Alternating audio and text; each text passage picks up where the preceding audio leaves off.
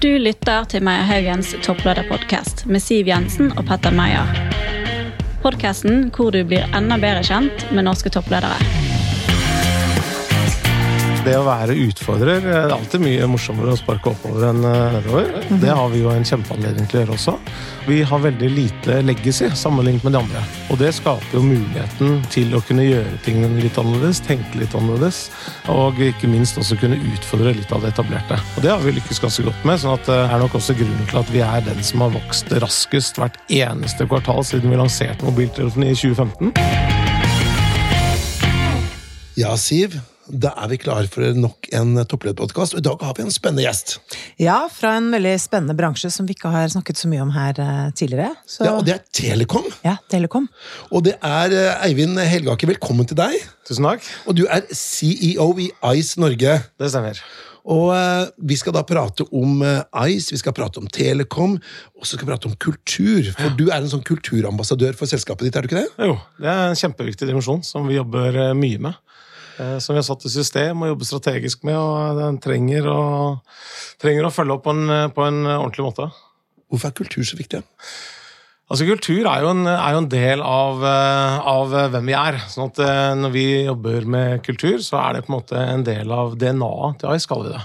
Og DNA-et til Ice det, det handler om eh, hvem vi er, hvordan vi skal opptre overfor hverandre, hvordan vi skal bli sett utenfra osv. Så, videre. så Så det, det er en ting som vi jobber, eh, jobber og satt i system, nettopp for å klare å følge opp. da. Så eh, Det er sikkert ting vi kommer mer inn på, men eh, en veldig veldig viktig del av Ice. Og hvis vi skal prate litt sånn hva, hvordan vi jobber med det, så, så har vi en visjon i Ice som er veldig enkel. handler om to ting. Vi skal sikre fornøyde kunder og fornøyde ansatte. Og så høres det veldig banalt ut, for alle selskaper i verden har sannsynligvis det som eh, sine, sin mål. mål. Men, men vi har tatt det liksom et tak videre, og så, vi, så jobber vi veldig målretta med det. Så har vi satt et ordentlig system, så vi vet hva er det vi leverer, hva er det vi ikke leverer, hvordan kan vi bli bedre, osv. Så, videre. så rundt den der, Du spurte om kulturdimensjonen. da, så bruker vi f.eks. Great Place to Work som et, eh, et viktig verktøy for å forstå hva som fungerer og hva som ikke fungerer, og eh, hvordan vi da kan sette ting i system for å bli bedre på akkurat den biten der. Dere har jo ganske mange ansatte. Ja, nå har vi 300 ansatte, så, eller forbi 300 ansatte. Så, så akkurat den der kulturdimensjonen, den var jo veldig enkelt når jeg starta. Da var vi tolv stykker. Da, da har du ganske god kontroll på det. Eh, og så ser man, så blir man større og større, og så plutselig så kjenner man ikke eh, folk så godt som det man gjorde. Og da trenger man rett og slett verktøy for å eh, kunne jobbe strukturert med dette. Og det var sånn vi begynte i første omgang, og blant annet jobbe med, med Great Place to Work, men også en del andre verktøy som vi har tatt i bruk for å måte samle laget eh, og sørge for at vi jobber eh, mot det samme målet, eh, blir effektive. Det er noe som også påvirker eh, trivsel, f.eks. Eh, sørge for å beholde de flinke. Eh, Så veldig, veldig viktig del av det vi gjør. Du, og Dette skal vi prate mye om, men kan ikke du si litt kjapt om din bakgrunn? For du har jo jobbet og hatt mange spennende jobber tidligere. Eh, Ja, eh, bakgrunnen min er sivil markedsfører utdannelse, så verken noe sånn tung økonom eller tung eh, teknisk. Så jeg har sånn sett jobbet mye kommersielt. Begynte min karriere i Tele2, som den gang var på en måte den store utfordreren i Norsk Telekom. Kjempespennende. Jeg har med meg veldig mye fra den gamle Tele2-tiden. eh, Med Jan Stenbekk i sin tid, som var en ganske spesiell fyr. Eh, Som hadde, som hadde en veldig sånn tydelig eh, kultur, som alle som jobbet i de 23 landene eller sånt når vi var etablert den gangen, kunne. Det var Stenbekk-reglene. Det var da jeg liksom begynte å få, få øynene opp for det med å på en måte ha noe som er felles, noe som samler eh, bedriften, eh, og hvor viktig eh, og mektig det kan være. Eh, Men jeg var der i syv år, og så eh, etter det så kom jeg inn som sjef for Kanal Pluss. Det var den gang eh, de hadde rettigheter til Premier League og eksklusivt på HBO og alle disse innholdsdelene, men jobbet da også veldig mye opp mot Telekom. Eh, Og så kom denne muligheten med ISOP i 2009. Eh, Det var da et selskap som var slått konkurs, hadde fått nye eiere, private equity-eiere, og trengte egentlig en som kunne gjøre tre ting. Og det ene var å bygge organisasjon, det andre var å bygge nett, og det tredje eh, var å bygge kundemasse. Så hvis jeg skal prøve å oppsummere hva jeg har drevet med siden 2009, så er det de tre tingene som, eh, som jeg har jobbet med. Så du har hatt denne stillingen ganske lenge, da, eller relativt sett lenge i uh, norsk næringslivssammenheng? Ja, det er absolutt. Og uh, liksom den eneste grunnen til at jeg fortsatt er her, er fordi jeg syns det er fantastisk gøy. Så jeg er en sånn person som er nødt til å våkne opp om morgenen og glede meg til å gå på jobb. Mm. Eh, og det gjør jeg hver eneste dag, og det er grunnen til at jeg fortsatt er der. Og så har vi jo da vært gjennom eh, veldig mange forskjellige reiser i Ice, og det er grunnen til at eh, jeg fortsatt syns det er så gøy. Fra å være en bitte liten eh, gründer helt i startfasen eh, til å klare å måtte, sette Ice litt på kartet, skape vekst, få med seg eiere, få, få lov å investere mer.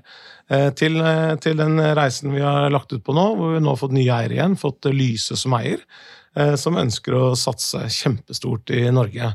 Og det er klart at de kommer, De er en industriell eier, stor og tung på fiber og den delen av infrastrukturen. Vi på trådløst.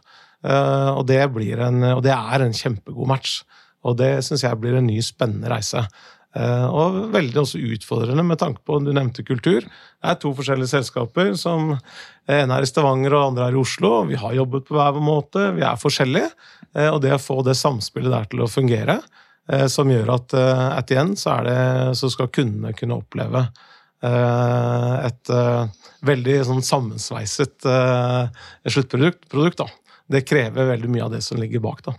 Men du vet hva jeg vet, så har dere vel i overkant er sånn rundt 700 000 privatkunder? Ja, jeg har passert det nå. Ja. ja ikke sant? Og så har dere bedriftskunder også. Ja. Men altså, alle vi som, som, som står rundt mikrofonene her, vi, vi, selv om vi er selvfølgelig unge og fagre fortsatt, så tror jeg alle vi kan relatere oss tilbake til en tid hvor det var eh, telemonopol. Ja. Eh, og fasttelefon, og ikke noe mobil, og ikke alle disse tingene som vi drives av i dag. Eh, og det har jo skjedd en revolusjon! Ja Eh, ikke minst etter at man på en måte deregulerte hele dette eh, gamle eh, mm. telemonopolet. Ja. Men hvordan er det å være utfordrer i eh, et marked som, skal, eh, som, er åpent opp for konkurranse? Ja, det er kjempespennende.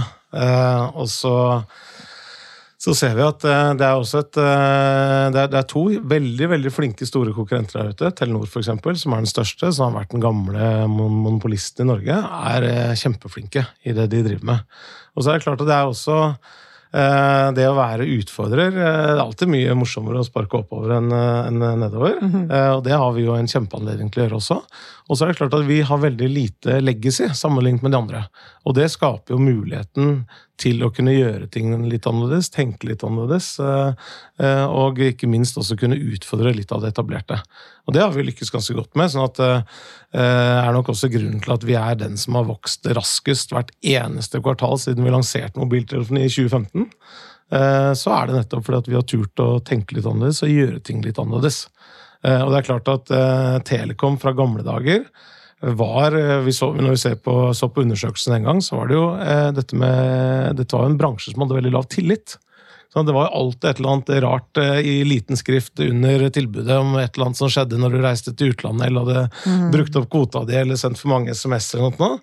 Og det skapte veldig lav tillit. Så det med å jobbe med tillit er noe som vi har jobbet mye med. Og da er vi litt sånn tilbake til tillit. Er eh, noe som vi jobber med blant de ansatte, men også ute i markedet. Å skape den tilliten. Eh, og det er alt fra sånne enkle ting som, eh, som kunder som ringer kundesenteret, så ser vi at kanskje kunden har et abonnement som, som, hvor han betaler for mye. Rett og slett har for mye data. Da kan vi si at du, du bør faktisk nedgradere. Og Det er sånne ting du aldri har hørt ikke sant, i Norsk Telekom før. Men den kunden der, den blir lojal. Den, mm. den, der skaper et sånt tillitsforhold da, som vi tror er veldig viktig. Ice. Så, så, det er også en sånn, det med fornøyde kunder det er da satt i system, og da ser vi at dette med tillit er en viktig dimensjon. da. Mm. Eh, og da jobber vi sånn sett eh, veldig mye med den innsikten for å forstå hva er det som er driverne eh, i egentlig alt vi driver med. Du har jo da dette kundeløftet og medarbeiderløftet. Mm. Si litt mer om det. Eh, ja, eh, og det er en sånn som jeg nevnte, det er en sånn strategisk dimensjon. Så Vi har bygget en sånn, det vi kaller en sånn strategisk one-pager. og Det er noe som alle i Ice har et forhold til. Og helt i bånn der, som liksom er fundamentet og grunnmuren, det er det vi kaller kultur. Eh, og den, den kulturdimensjonen for Ice da, den, den består av tre ting. det ene er tillit, som vi også har satt i system. Det andre er spille på lag. Eh, og det tredje, det er eh. Så, så, så det er på en måte fundamentet. Og så jobber vi oss eh, alt derfra helt opp til toppen, som er visjonen, som handler om fornøyde kunder og fornøyde ansatte. Så handler alt om nettopp hvordan den kjøreplanen skal se ut. Og den skal jo, Det er jo et levende, et levende dokument. så Det er alt fra hvordan vi jobber med endringsreiser, helt konkret hva er det vi skal oppnå nå, til hva er de konkrete målene i form av tall, osv. Så, videre. så vi jobber eh, som sagt veldig mye innsiktsbasert, og så er vi veldig glad å sette ting i system. Så det å kunne måle det vi gjør, og vite hvorfor vi gjør hva, er viktig. Så, så et eksempel på det er å jobbe med ulike måleverktøy. Vi har valgt å jobbe bruker OKRs, som vi opplever er et godt verktøy for å samle laget. Og ikke minst også så alle forstår hva er mitt bidrag for at vi skal kunne nå helheten. Og det, er, det ser vi at eh, En ting er at det er en veldig effektiv måte å jobbe på, men vi ser også eh, det går på trivsel. Hvordan, hvor, folk, hvor mye mer folk trives når de på en måte forstår sitt bidrag og ser helheten. Det har vært eh, har vi nesten, vært, nesten gitt litt sånn aha-opplevelse av hvor viktig det er å jobbe så eh, detaljert med målstyring. Men jeg er litt nysgjerrig på alle disse medarbeiderne dine, for nå er du jo også et rekrutteringsselskap. Og så er du veldig opptatt av rekruttering selv. Ja. Hvordan ser liksom dine ansatte ut? Er det, er det en homogen gruppe folk? Er det, er det, er det mye mangfold? Hvordan er alderssammensetningen? Ja, vi, det er mye mangfold. Det er viktig. For det, vi, vi kan ikke, alle kan ikke være like. Da, da kommer det ikke til å fungere i det hele tatt. Så når vi jobber mye med rekruttering, så er det jo, vi jobber mye med rekrutteringsselskapene også. På en måte gi dem innsikt i hvordan er det AI ser ut i dag. eh, Hvilke utfordringer er det vi skal løse. eh, Og hva slags mennesketyper er det vi trenger for å få på plass det. Og Det betyr ikke at de menneskene nødvendigvis er like. Mm. Så, så det å skrive for en tydelig kravspekk på hva slags mennesker vi skal ha, eh, til at vi bruker veldig mye tid. Det er veldig mange som er involvert i prosessene. Det er ganske få i ICE som eh, blir ansatt uten å ha vært minimum fem runder rundt. Og, det kan være, og da avslutter jeg med alle. Så jeg bruker også veldig mye tid på, på rekruttering med tanke på at vi er passert 300 mennesker, og det er litt utskiftinger òg, så bruker jeg veldig mye tid på, på rekrutteringer. Og det er like mye tid på en eh, 17-åring som skal jobbe deltid i butikk, altså, til eh, et nytt medlem av ledergruppa. Eh, og det er ikke nødvendigvis fordi jeg er så enormt flink på å drive med rekruttering, men eh, det er litt sånn gjensidig respekt også, at eh, de som kommer inn i ICE, skal forstå hvem er det som er øverste leder. Og så tenker jeg at det er mye lettere å finne ut av hvis, den, hvis det ikke fungerer før man blir ansatt, enn seks måneder etterpå. Så det er noe som vi også får veldig positive tilbakemeldinger fra kandidater. som de, de forventer jo ikke det i det hele tatt heller, at uh, øverste leder skal bruke mye tid på, på rekruttering, men det, det gjør vi. Og det er en del av kulturen. For det er jeg veldig imponert over. da. Um, Men la oss si, skjer det ofte at For de har jo gått gjennom noen runder. Si Ja. fire runder. Først har du den femte runden. Ja. Og så har jo de da gått videre fordi at eh, dine kanskje ledere liksom, i HR har tro på det. Er det ofte at du trekker i håndbrekket og sier nei, du, dette her har jeg ikke noe tro på? Eh, ikke ofte. Eh, det var oftere før. Eh, og da hadde man kanskje ikke gått gjennom så mange runder heller. Eh, men eh, det hender. Ja, absolutt. Det gjør det. Ja, og, og blir diskusjon der? Det er bare sånn, nei, det har jeg bestemt, liksom. Nei, det, vi går, Jeg legger jo fram hva det som gjør at jeg er skeptisk, Ja, ja. Eh, og så har vi en diskusjon rundt det. Og så pleier ofte den der Hvis jeg føler at det er et eller annet som ikke stemmer, så, så har jeg de gangene jeg har på en måte gått litt på akkord med det, så har jeg også veldig ofte angret. Ja. Så jeg har kjent litt på det noen ganger. At jeg har tenkt at ok, nå gir vi, gir vi en sjanse. Og så har ikke det nødvendigvis alltid vært det, det smarteste. Hva er det dere ser etter hos eh, ansatte, da? Nei, Jeg tror veldig på sånn litt som min egen eh, filosofi. Da, det å glede seg til å gå på jobb. Jeg liker veldig godt eh, folk som er positive. Eh, Folk som går rundt og tenker at glasset er halvfullt. Det, det syns jeg er krevende. Så det å, det å være positive, synes at det er gøy, være med og ikke minst være med å være utfordrer, og glede seg over den utfordringen som, som det innebærer. Eh, Det å høre liksom eh, latter på torget, som vi kaller det oss, da, rundt kaffemaskinen, god stemning, det, det tror jeg veldig på. Og jeg tror at en sånn god stemning, at igjen, så smitter det over på kundene. Og da, det, det er en sånn viktig eh, driver både for å få kunder og, beholde kunder. Du høres ut som en skikkelig trivelig sjef. Um, men jeg er jo litt nysgjerrig på liksom lederegenskapene. Skal vi prøve å teste ut de litt, Petter? Jeg kan vi ikke gjøre det? Ja. Eh, hvis vi da ser på dette med toppledelse, da. eh, når tids, eller, kan du lede hva som helst? Eh, jeg vil kanskje si sånn i utgangspunktet så er det, det er sånn ja på det. Eh, og så tenker jeg at eh, for å kunne lede noe, så må du både ha en skikkelig passion for det du skal drive med, og så forutsetter du at du kan mye, tenker jeg. Og evner på en måte å lære deg de tingene som, som den organisasjonen handler om. Og, så Det er grunnen til at jeg eventuelt sier nei, at jeg kan ikke lede alt. For jeg har ikke passion for alt mulig rart. Eh, og uh, da tror jeg ikke det er noe vits å, å være en toppleder heller, hvis du ikke virkelig gleder deg da, til å gå på jobb og ta tak i de utfordringene som du har. Men Kunne du lede en offentlig institusjon, f.eks.? Jeg, vi har jo offentlig eier i dag, da, så det, det, det får jo til det. Så, men jeg, jeg er nok en som trives med ganske høy fart og spenning og, og sånne ting. Så med en gang jeg føler at uh, ting går litt tregt, og vi begynner å prate litt byråkrati og sånne ting, så, så syns jeg det er, er ikke- så gøy. Så, så sånn sett så er det ikke nok alle bedrifter som passer heller, da. Eh, Så politiker skal du ikke bli. Nei, det tror jeg ikke. For jeg har ikke noe sånn brennende politisk engasjement heller. sånn at eh, det tror jeg ville vært vanskelig. da. Det var det du sa om byråkrati, da. Som jeg, Ja, jo, jo, det, òg. det, det òg. Men hvis vi da ser på dette her med eh, det å være toppleder visst, Har du alltid visst at du skulle bli toppleder? Eh, nei, men jeg har alltid visst at jeg syns det er veldig gøy å være med og, og lede mennesker. Eh, og få utfordringer og ta litt ansvar for de utfordringene. Eh, og så har på en måte ting eh, ballet litt på seg underveis. Eh, så det har ikke vært en sånn der, en, en egen ambisjon om at jeg skal bli en toppleder. Men jeg syns jo det er kjempegøy. Jobben min syns jeg er kjempegøy. Og i dag så er jeg toppleder, og jeg har vært det lenge også, og trives veldig godt med det. Og ja. Hva er den største lederutfordringen du har nå? Så tenk, ah, fader, den nøtta skulle jeg knekt.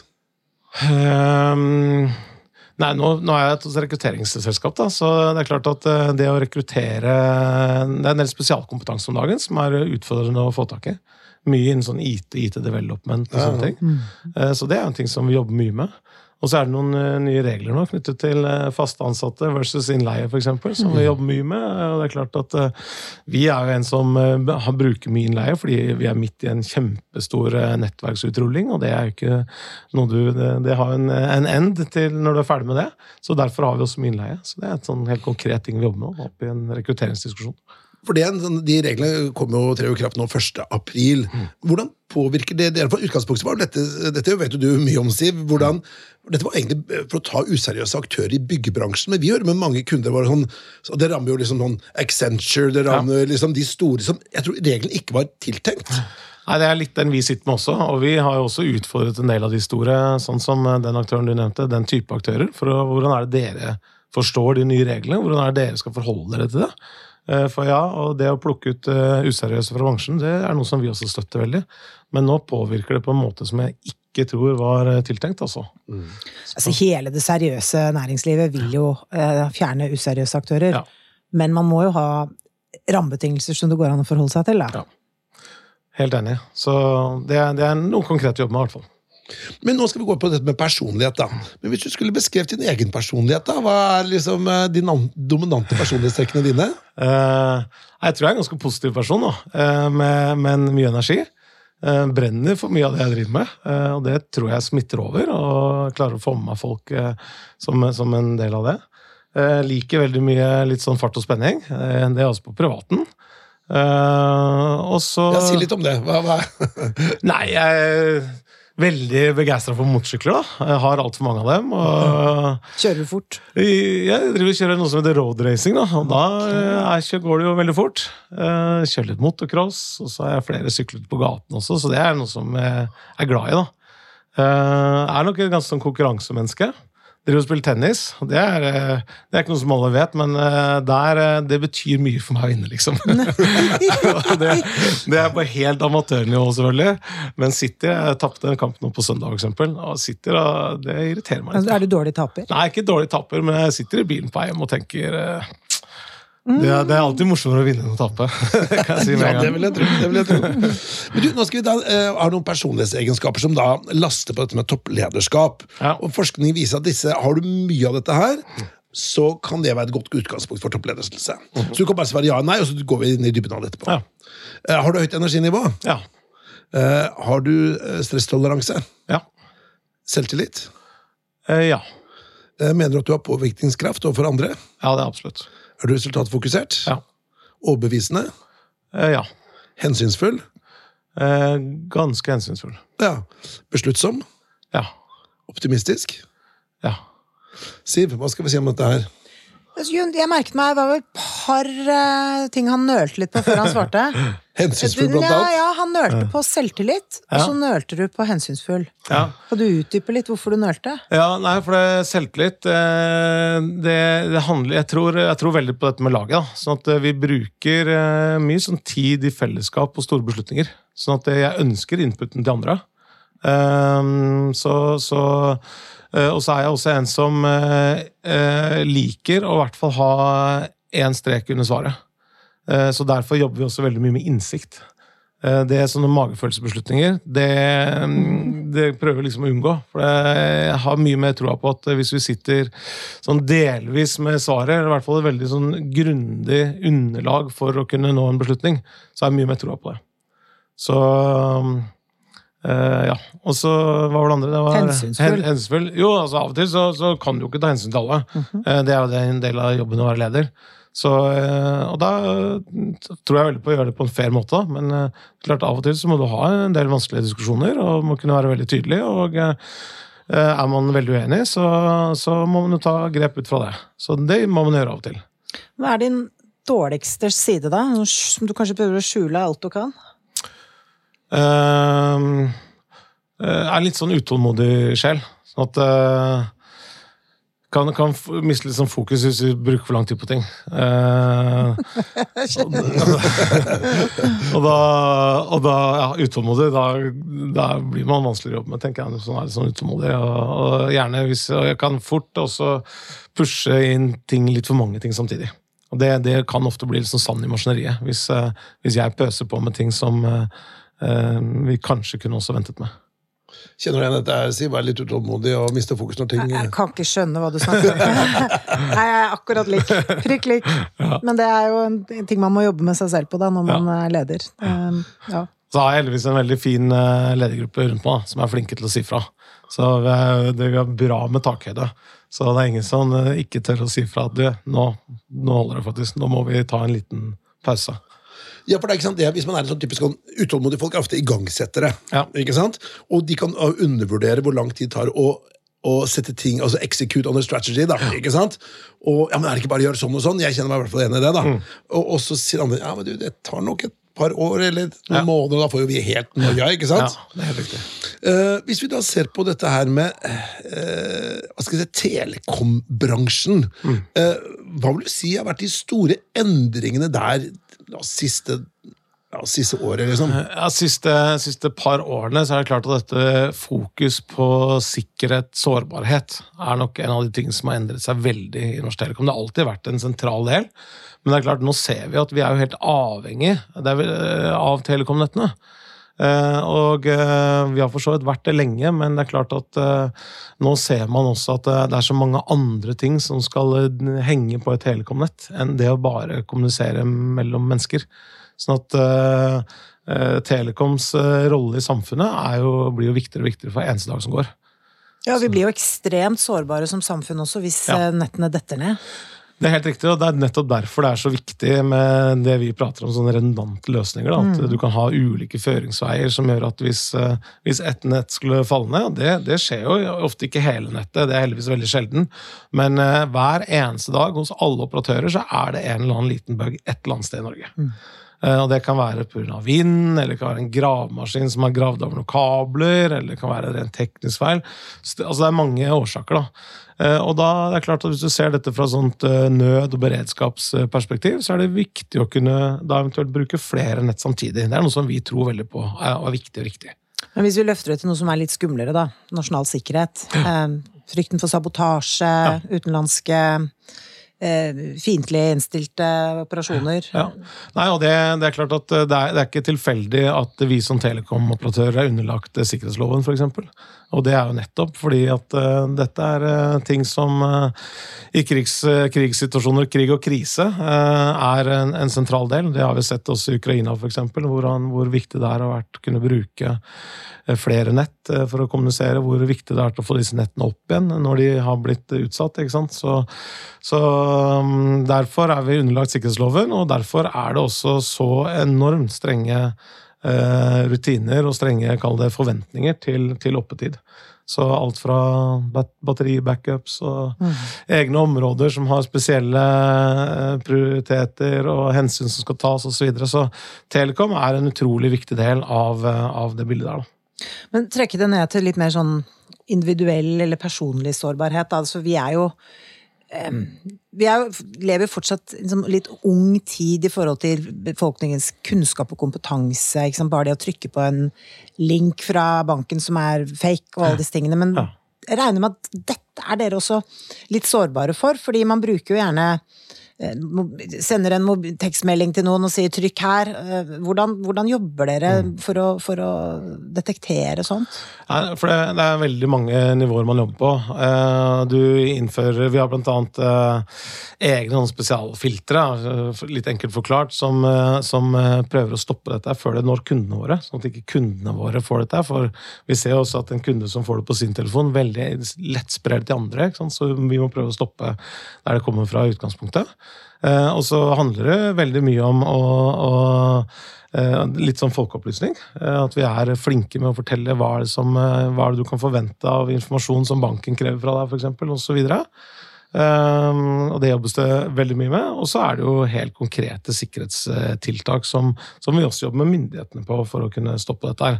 Og vi har jo sentrale myndigheter som NSN osv. Som, som deres rolle er jo på vegne av, av samfunnet og, og Um, jobbe med, aktivt med sikkerhet. Mm. Så det er ikke så lenge siden de kom ut med en anbefaling om å fjerne TikTok fra telefonene. Alle som er underlagt sikkerhetsloven, og som har telefoner som er knyttet opp mot uh, organisasjonens uh, nett, bør fjerne det. Mm. Og så er det ikke på en måte vår uh, jobb å legge oss opp i hvorfor osv. Det må vi nesten bare stole på at Har du TikTok på din mobiltelefon? Nei, jeg har slettet den. Så nå har vi aktivt også i Ice. Vi gjorde det rett Eh, samme dag som NSN gikk ut med sin anbefaling, så gjorde vi det internt også. Og jeg syns det er kjipt, for jeg syns TikTok var et kjempeartig plattform. Eh, så jeg skulle veldig gjerne sett at vi kunne beholde det. Men, eh, men hvis det er anbefaling, så er det den anbefalingen som vi følger. Ja. Du, Spørsmål litt på tampen nå. Business-caset deres er jo på en måte å ha mange både bedriftskunder og, og privatkunder. Mm. Og dra en liten kutt av det. ikke sant? Sånn lav margin, høyt volum. Ja. Utfordringen er vel at når alle har samme strategien, ja. så er det bare som ikke nok folk i Norge. Uh, hvordan tenker du, Er det en sustainable uh, business uh, case? Altså, Norsk Telekom er det vi kaller et sånn fullpenetrert marked. da. Så ja, ja. Det blir ikke noen flere kunder. Så du slåss om, om de samme hele tiden. Og da handler det veldig mye om å kunne skille seg ut. Og vi tror jo veldig på at tilbake til det å jobbe med innsikt, så har vi definert veldig tydelig våre målgrupper. Og så har vi jobbet veldig detaljert med hva er det som er viktig for de kundene som vi er interessert i å treffe. Og så jobber vi da helt konkret med de driverne som vi vet er viktige for disse kundene. Og da måler vi jo ting eh, opp imot de andre. altså Hvor stor andel av alle kundene som flytter på oss, er det vi tar, kontra de andre.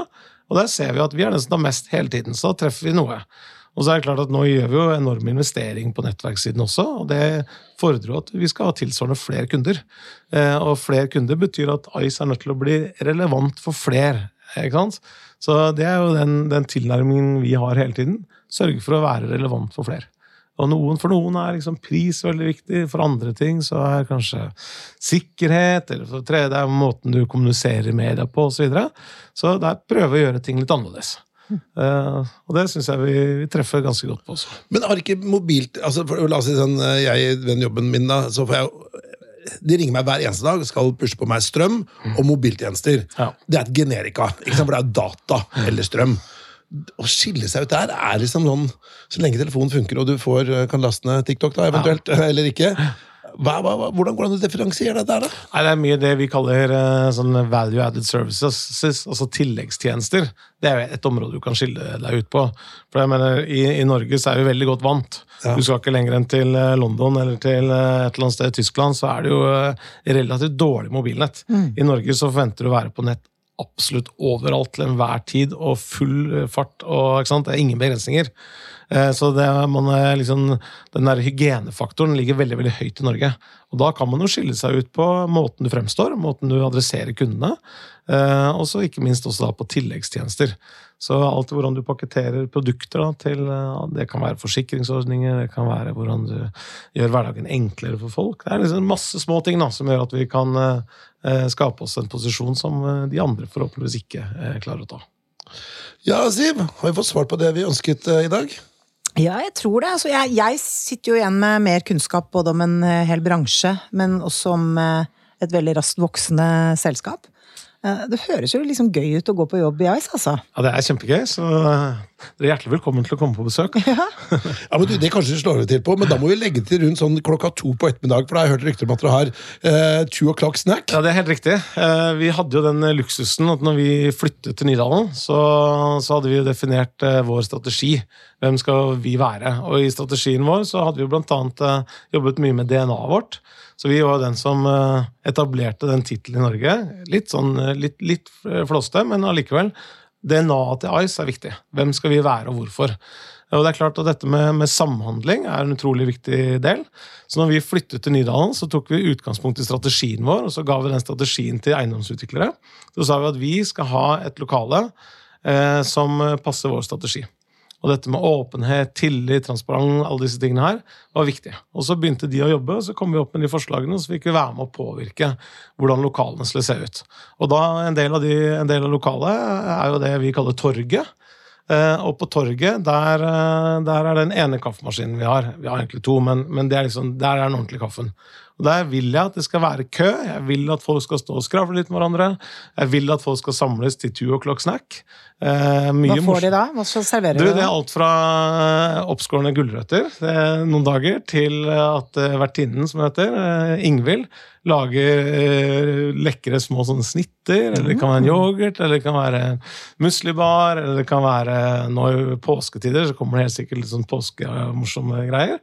Så det er alt mulig rart, da. Men, men hvis dere kommer klokken to, da ser du liksom, da kommer alle, så hører du masse buzz, og så står alle på torget. Og så står man og prater forhåpentligvis med en kollega som man ikke sitter bare ved siden av. Og det er med på å bygge lag. Ja, det er med på å bygge lag. Du, Jeg syns dette var en fin avslutning, men uh, Eivind, tusen takk for at du kom i podkasten til oss. Jeg sitter med veldig mange gode sånne uh, ideer, og det er veldig inspirerende å høre deg prate. For du er liksom ikke sånn trøtt sånn telekom-fyr som man kunne sett for seg. sånn nerdete. Du er liksom full av liv og veldig opptatt av folka dine. Ja. Så jeg vil si tusen hjertelig takk, og lykke til videre med den viktige jobben du gjør for Ice. Tusen takk for at jeg ble invitert. Du har lyttet til rekrutteringsselskapet Maja Haugens topplederpodkast. Vi produserer også Rekrutteringsrådet og Jobbsøker. Du finner oss der du lytter til podkast. Har du forslag til gjester, gå inn på vår Facebook-side Maja Haugen.